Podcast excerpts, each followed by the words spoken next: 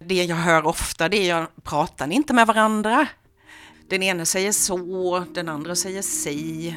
Ni ser liksom inte om hela mitt behov.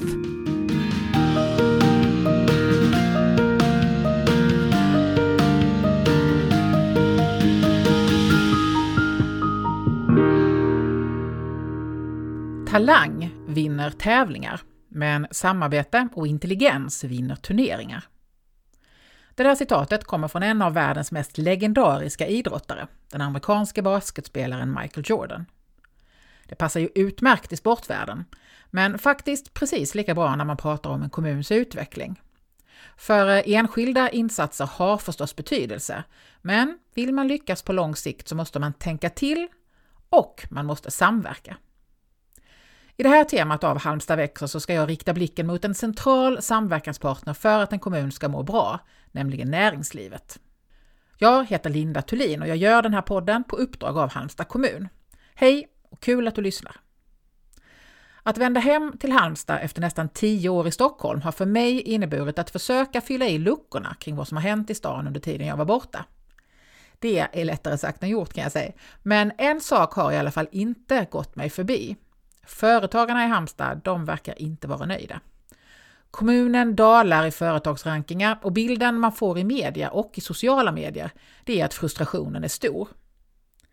Vi ska titta på vad det där handlar om i det här temat, där jag förutom det här avsnittet som är ett slags avstamp, också gör längre intervjuer med fyra personer med olika perspektiv. Företagare och forskare och kommunens näringslivschef finns bland de intervjuade. Men vi ska inte bara prata om det där som inte funkar. Vi ska också prata om vägar framåt och om vilken roll det privata näringslivet faktiskt har för en kommuns välmående. I vanlig ordning börjar vi med det här avstampet där jag bjuder på lite dåtid, lite nutid och lite framtid. Till min hjälp den här gången så har jag Henry Bengtsson, numera pensionär men också tidigare kommunchef med mera i Halmstad. Han är också aktiv i föreningen Gamla Halmstad och han tycker att det är viktigt att ha koll på historien när man planerar för framtiden. Ja, historien är ju väldigt viktig av att ha med sig och förstå. Därför att det finns ju väldigt långa trådar. Om vi börjar med Halmstads industrialisering så kan man ju knyta den till Wallbergs fabriksaktiebolag. Som ju blir den första stora industrin här och som framförallt ju producerade filt men som också diversifieras genom jordbruk och tegelbruk. Och den här filttråden den löper genom hela historien i Halmstad. Det har funnits flera filtfabriker. Men idag, även om Wallbergs har lagt ner sin produktion sedan länge, så har vi fortfarande ett stort eh, företag som är en del av en multinationell koncern i form av Nordiska Filt Albany. Ja, etableringen av Wallbergs är en bra startpunkt om man vill förstå Halmstads näringslivshistoria. Förutom att Wallbergs textilfabrik 1823 blev startskottet för det industrialiserade Halmstad, så var det också i mitten av 1800-talet som Halmstad på allvar kom att bli en viktig hamnstad. Det i sin tur är förstås tätt förknippat med handeln som från allra första början var själva grundförutsättningen för att få vara en stad. Det var ju det som var en stadsrättigheterna, det var att man fick idka handel på torget. Men i, i handelns förutsättningar så ligger ju också det logistiska läget. Det vill säga, vi ligger idag sedan ganska lång tid tillbaka med en bra hamn. Vi har en flygplats, vi har eh, goda vägförbindelser och vi har järnvägar. Och det där har ju haft en betydelse för etableringar genom åren. Att det är intressant att etablera sig i Halmstad just på grund av läget och kommunikationerna. Ja, läget har länge satt sin prägel på stadens näringsliv och idag är till exempel två av våra största privata arbetsgivare logistikföretag.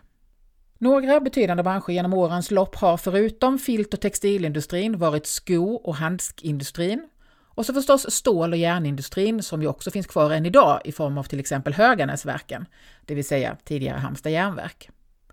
Och så då några av Halmstads än idag mest kända branscher.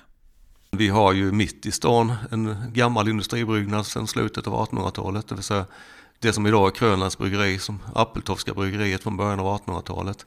Det är ett av Sveriges absolut äldsta familjeägda bryggerier. Och vi är en del av en, en bryggeritradition som har varit stark i Halmstad. Vi hade ju i slutet av 70-talet två bryggerier, det var två av 29 bryggerier i hela Sverige. Idag har vi ganska många nya bryggerier också som på något sätt säkert har tagit intryck av en gammal bryggeritradition. Mm. Vi har gamla traditioner när det gäller eh, livsmedelshantering och livsmedelsindustri. Där ju charkuterifabriken som är ju ganska nyanlagd i Halmstad är ju ett mycket stort företag och snabbt växande företag. Med anor från tidigare charkuterianläggningar och inte minst då från slakteriverksamheten som startade i slutet på 1800-talet. Förutom att lyfta fram de olika branscherna som har följt med oss ända in i modern tid, så vill Henry Bengtsson också gärna prata om vilken betydelse enskilda människor, det vill säga entreprenörerna, kan ha för en stads utveckling. Eh, Halmstad är ju inte känt för sitt entreprenöriella klimat men det har ju ändå funnits många entreprenörer genom åren och det finns idag också. Och det är ju de som driver en utveckling i väldigt hög grad. Henry Bengtsson nämner till exempel Per Berggren. Han drev handelsbolaget JB Berggrens, men han var också med och startade järnverket. Sen nämner han Nicolas Haspia, grundaren av HMS Networks, som är ett av Halmstads mest profilerade företag idag. Och så då Wallbergs, som så länge var en viktig del av Halmstads näringsliv. Vallbergarna drevs av en eh, egen ambition, av en entreprenörsanda, en idé om att skapa någonting. Och man hade ju en en, en rätt konservativ hållning, ett väldigt patriarkaliskt företag, man byggde upp en närmast bruksliknande miljö. Men man var ju samtidigt väldigt aktiva i samhället och också engagerade sig i andra former av industriell verksamhet. Man var med och startade sockerbruk och man startade hatt och filtfabrik i, i Halmstad, man startade hatt och filtfabrik uppe i Oskarström. Så att under en lång tid så var ju familjen Wallberg, vill jag hävda, drivande i Halmstads näringslivsutveckling. Skillnaden mellan dåtidens stora drivna entreprenörer och dagens näringsliv, det är att det inte längre är samma personer som har makten i kommunen som också driver de stora företagen. Det gör det förstås lite svårare för företagen att styra utvecklingen, men det är förstås i grunden både bra och viktigt, understryker Henry Bengtsson. Samma människor som var drivna entreprenörer var ju oftast de människor som satt i ledningen för kommunen i en eller annan form eller i, i olika bo, bolag med någon form av allmängiltigt syfte. Så är det ju inte riktigt samma sak idag. Idag så kan ju vi alla bli politiker i ledande ställning. Det kunde man inte för 100-150 år sedan. Eh, där finns ju en, en jätteskillnad mot det förflutna. Och det innebär ju också att, att idag är det ju inte en enskild företagares intressen som styr en kommuns utveckling. Utan det här bygger ju på att det är politiskt demokratiskt fattade beslut som styr kommunens utveckling. Och det är ju en jätteskillnad. Idag är Halmstads näringsliv det som brukar kallas för diversifierat. Det innebär att vi har många små företag i flera olika branscher, snarare än några få dominerande. De stora arbetsgivarna i stan är snarast de offentliga arbetsplatserna, högskolan, Försvarsmakten, sjukhuset och förstås kommunen. Bland de stora privata arbetsgivarna finns Biltema Logistik och Martin och Savera Logistics som båda har mellan 500 och 1000 anställda. Företagen som omsätter mest är bland annat AJ Produkter, nämnda HMS och Charkuterifabriken, också de har flera hundra anställda. Men sammanlagt finns det faktiskt mer än 10 000 registrerade företag i Halmstad, vilket innebär att de allra flesta är små och medelstora företag inom väldigt varierande branscher. Logistikbranschen är som sagt ganska stor och har ju då rötter bakåt i tiden, liksom tjänstesektorn.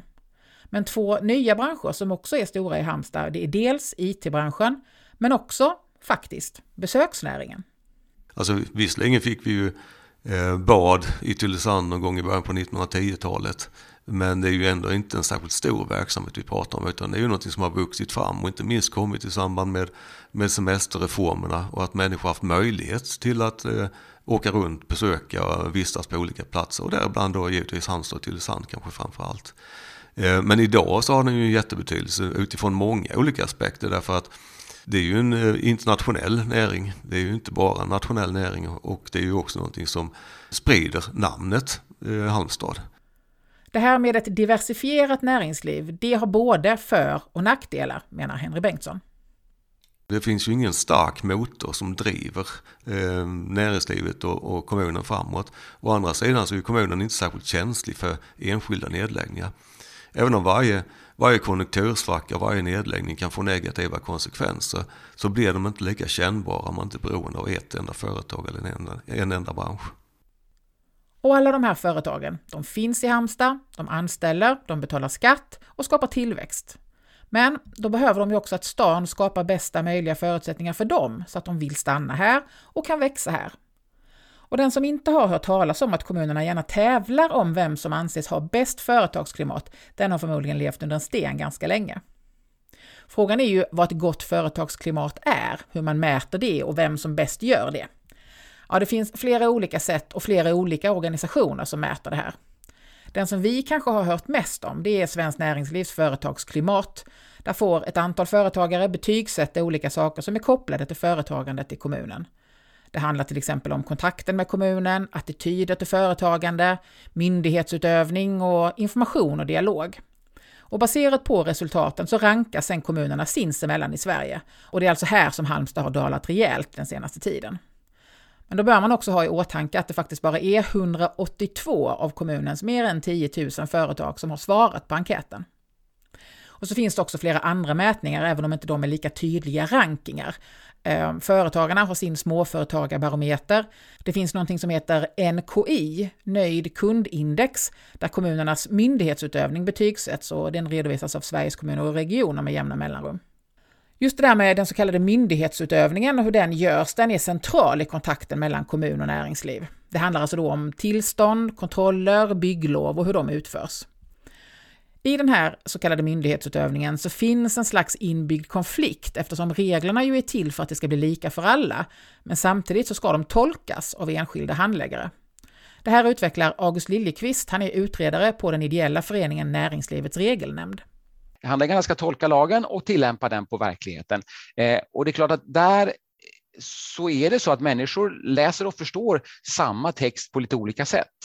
Eh, och när man läser lagstiftningen och tillämpar den på verkligheten som handläggare, eh, klart man har en utbildning i bakgrunden där man har försökt att få, få det lite mer likt, men, men var och en tänker lite grann själv eh, och då blir det, skapas det skillnader. Eh, det är inget konstigt egentligen. Men då säger vi att ja, eh, men vi kan inte acceptera hur stora skillnader som helst och vi, måste, vi kräver att kommunerna jobbar för mindre skillnader. Näringslivets regelnämnd är en intresseorganisation för en massa olika branschorganisationer som har som mål att förenkla och förbättra regelverket inom näringslivet. De gör en omfattande undersökning vart fjärde år där de frågar kommunerna hur lång tid det tar för olika typer av tillstånd och vad de kostar. Och där kan de se att det finns en skillnad mellan kommunerna som de inte tycker är okej. Okay, och de vill att kommunerna ska anstränga sig för att det ska bli mer likt. Och då menar vi att det är prat som gäller. Eh, handläggare måste prata med varandra eh, och diskutera eh, framförallt liksom konkreta ärenden och säga titta här, i morse hade jag ett ärende med en ny biltvätt här. De skulle etablera sig på den här orten. Eh, det såg ut så här i närmiljön. Eh, det var så här många bilar och så, alltså de beskriver ett ärende och frågar hur skulle du ha sett på det här ärendet? Och den dialogen tror vi är jätteviktig. Eh, när man så stöter sin åsikt om hur man ska tolka saker mot en annan kollega som också är expert på det här. Och, och vi, vi förstår när vi diskuterar med kommunen att det här har man inte så ofta tid med. Ytterligare en svårighet när det gäller tillstånd och kontroller, det är att handläggarna ju är experter på en nivå som deras chefer sällan är, och definitivt inte politikerna. Så om politikerna gärna vill ha ett positivt näringslivsklimat med en generös inställning, så kan det skapa svårigheter för handläggarna som kanske har förmågan att se riskerna på ett annat sätt. Livsmedelssäkerhet, det handlar om, om överlevnad i värsta fall, att folk så här, dör i livsmedelsförgiftning. Eh, eh, ja, det är inte att skämta om och därför så, så har politiker där en liten, eh, ett underläge. Eh, man kan tycka saker som politiker, men handläggaren vet saker, eh, kan sitt område och då är klart att då, då har eh, handläggarna Ja, de är lite knepiga ibland att, att säga, styra för en politiker.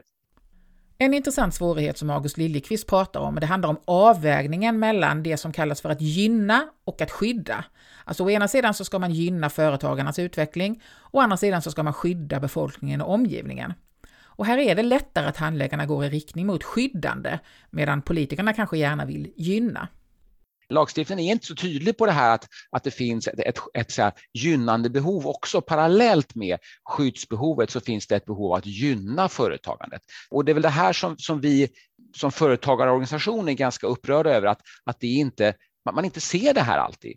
Och när man gör de här avvägningarna mellan gynnande och skyddande så är det också lättare att gå i riktning mot skyddandet om man vill slippa få kritik för sitt beslut, till exempel i medierna.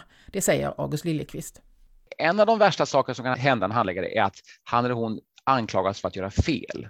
Och det är klart att det är väl kanske på något sätt en, en högre risk att göra fel om jag ska övertolka gynnande frågan, att gynna företagandet. Eh, det, det är säkrare för mig som handläggare att övertolka skyddande frågan. Om jag säger har ja, tolkat miljölagstiftningen på ett så, så, strikt sätt jag kan, då är det mindre risk för att någon kommer och säger sen oj, oj, titta här, det blev en, en miljöförorening i vattnet här.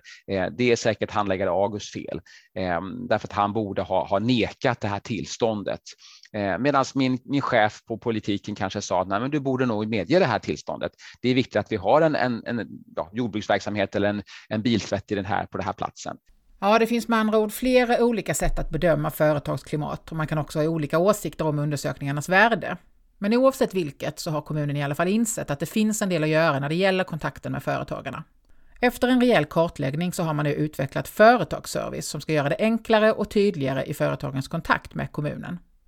En av de som har jobbat med den här förändringen det är Ann Andersson. Hon är näringslivsutvecklare på Företagsservice. Och så här beskriver hon vad de har uppfattat att missnöjet har handlat om. Det som flest säger mest om oss som man är missnöjd med, det är att vi inte lyssnar. Vi är inte tillgängliga. Tyvärr känner man sig inte välkommen. Och det är snårigt att ha kontakt med Halmstad kommun. Det är svårt att veta vem gör vad, det är en stor koncern. Eh, det jag hör ofta det är att pratar ni inte med varandra? Den ena säger så, den andra säger si. Ni ser liksom inte om hela mitt behov. Ja, det där är förstås en rimlig invändning och kan för en utomstående tyckas lite märklig. Hur svårt kan det vara att tala med en röst liksom? Jo, ganska svårt i en stor organisation, berättar Anna Andersson. Vi har destinationsfrågor, vi har bygglovsfrågor, vi har miljöfrågor. Vi har frågor som berör väldigt många företag där vi då också har en myndighetsutövning. Eh, där vårt uppdrag är faktiskt att granska och se till att vi sköter oss. Eh, så att det kan vara svårt att förstå att vi har olika förvaltningar, vi har olika bolag som sköter olika frågor. Och det är också en del som vi har tagit eh, till oss, för det är också en, en sådan, ett sådant önskemål som finns. För utifrån är kommunen kommunen. Man bryr sig inte om, om det är bygg och miljöförvaltningen eller teknik och fastighetsförvaltningen eller Destination Halmstad. Man vill möta kommunen men nu har man alltså gjort om servicen till företagen för att det ska vara en väg in oavsett vad ärendet handlar om. Och den vägen heter alltså alltid företagsservice. Då har man dels gjort om på webben så att all företagsinformation är samlad på en och samma plats. Där finns också olika typer av guider och blanketter som man kan ta del av när som helst. Och så kan man ringa och få råd beroende på vad man har för behov. Och där har det också bildats flera specialistgrupper baserat på några av de vanligaste behoven. I den specialistgruppen så är det etablering, expansion, evenemangsfrågor. Vi har en helt fantastiskt ny del som är bygglovsrådgivning för företag. Det hanteras i en specialistgrupp där vi samarbetar kring de här frågorna och du som företag får en kontaktperson som hjälper dig igenom. Så att du får reda på i det ärendet du kommer in med att det här behöver du börja med, det här behöver du tänka på. Det är ju inte alltid kommunen. Du kan behöva ha kontakt med Länsstyrelsen, du kan behöva ha kontakt med polisen eh, eller en privat markägare eller liknande. Så det hjälper vi till med i den kontakten. Och det är ganska ofta när vi får in företagsärenden där man tror att man ska prata med någon kring en viss fråga. Men när man gör en behovsanalys så är det så att du behöver börja på annat håll eller eh, så här så att vi kan liksom hjälpa till och guida där. Den här förändringen hoppas man nu ska göra att företagarna som har kontakt med kommunen möter något annat än de gjort tidigare. Det vi vill det är ju att när du behöver kontakt med oss så ska du känna att vi lyssnar på dig, du ska känna dig välkommen, du ska få återkoppling. Inte samma sak som att du alltid får ja på det du önskar. Men vi ska, vi ska lyssna på varandra och vi ska ge dig den guidningen du behöver. Vilka farhågor finns då efter omgörningen? Ja, nu är det ju viktigt att företagarna har förtroende för kommunen och att de faktiskt hör av sig när de behöver råd och hjälp, säger Anna Andersson. De kontakterna vi möter i företagsservice nu, det, det, det blir fantastiskt bra dialoger och vi, det blir en väldig respekt i de kontakterna och att vi möjliggör för vårt näringsliv. Men också där vi har begränsningar, eh, där vi har lagkrav och annat, att vi är väldigt tydliga med att ge den informationen. Mm. Ja, för ni har ju redan dragit igång det här hos oss. Menar du att du redan ser en skillnad i hur företagarna liksom ser på det ni erbjuder? Ja, och den stora skillnaden nu är ju som vi märker av väldigt, väldigt tydligt, det är vår bygglovsrådgivning för företag. Där vi i ett tidigt skede kan hjälpa till med tänk på det här, att eh, ansökningar är kompletta när de kommer in, istället för att det kommer sent i en, en bygglovsprocess. En uppenbar kursändring från kommunen får man ändå säga. Samtidigt ett missnöje från en del av näringslivet som det kanske kan bli lite svårt att skaka av sig. Samtidigt så finns det många företag vars problem handlar om helt andra saker än kontakten med kommunen. Om brist på kompetent personal eller i dessa tider kanske rent av överlevnad. Allt i en tid då vi alla dessutom brottas med utmaningar som handlar om ett hållbart samhälle, om minskad segregation och utanförskap. Så om inte det är ett spännande tillfälle att prata med lite olika människor om näringslivets roll, så vet inte jag. I de kommande intervjuerna så intervjuar jag Halmstads ganska nya näringslivschef Niklas Simonsson, Företagarnas regionchef i Halland, Marie Axdelius, kulturgeografen och Halmstadbon Thomas Nidomysyl och VDn på IT-företaget DH Solutions, Helena Eriksson. Även de avsnitten kommer att finnas där du hittade detta. Halmstad växer görs på uppdrag av Halmstad kommun. Redaktör är Susanne Ståhl och jag som gör podden, jag heter Linda Thulin och jag är frilansjournalist. Hej då!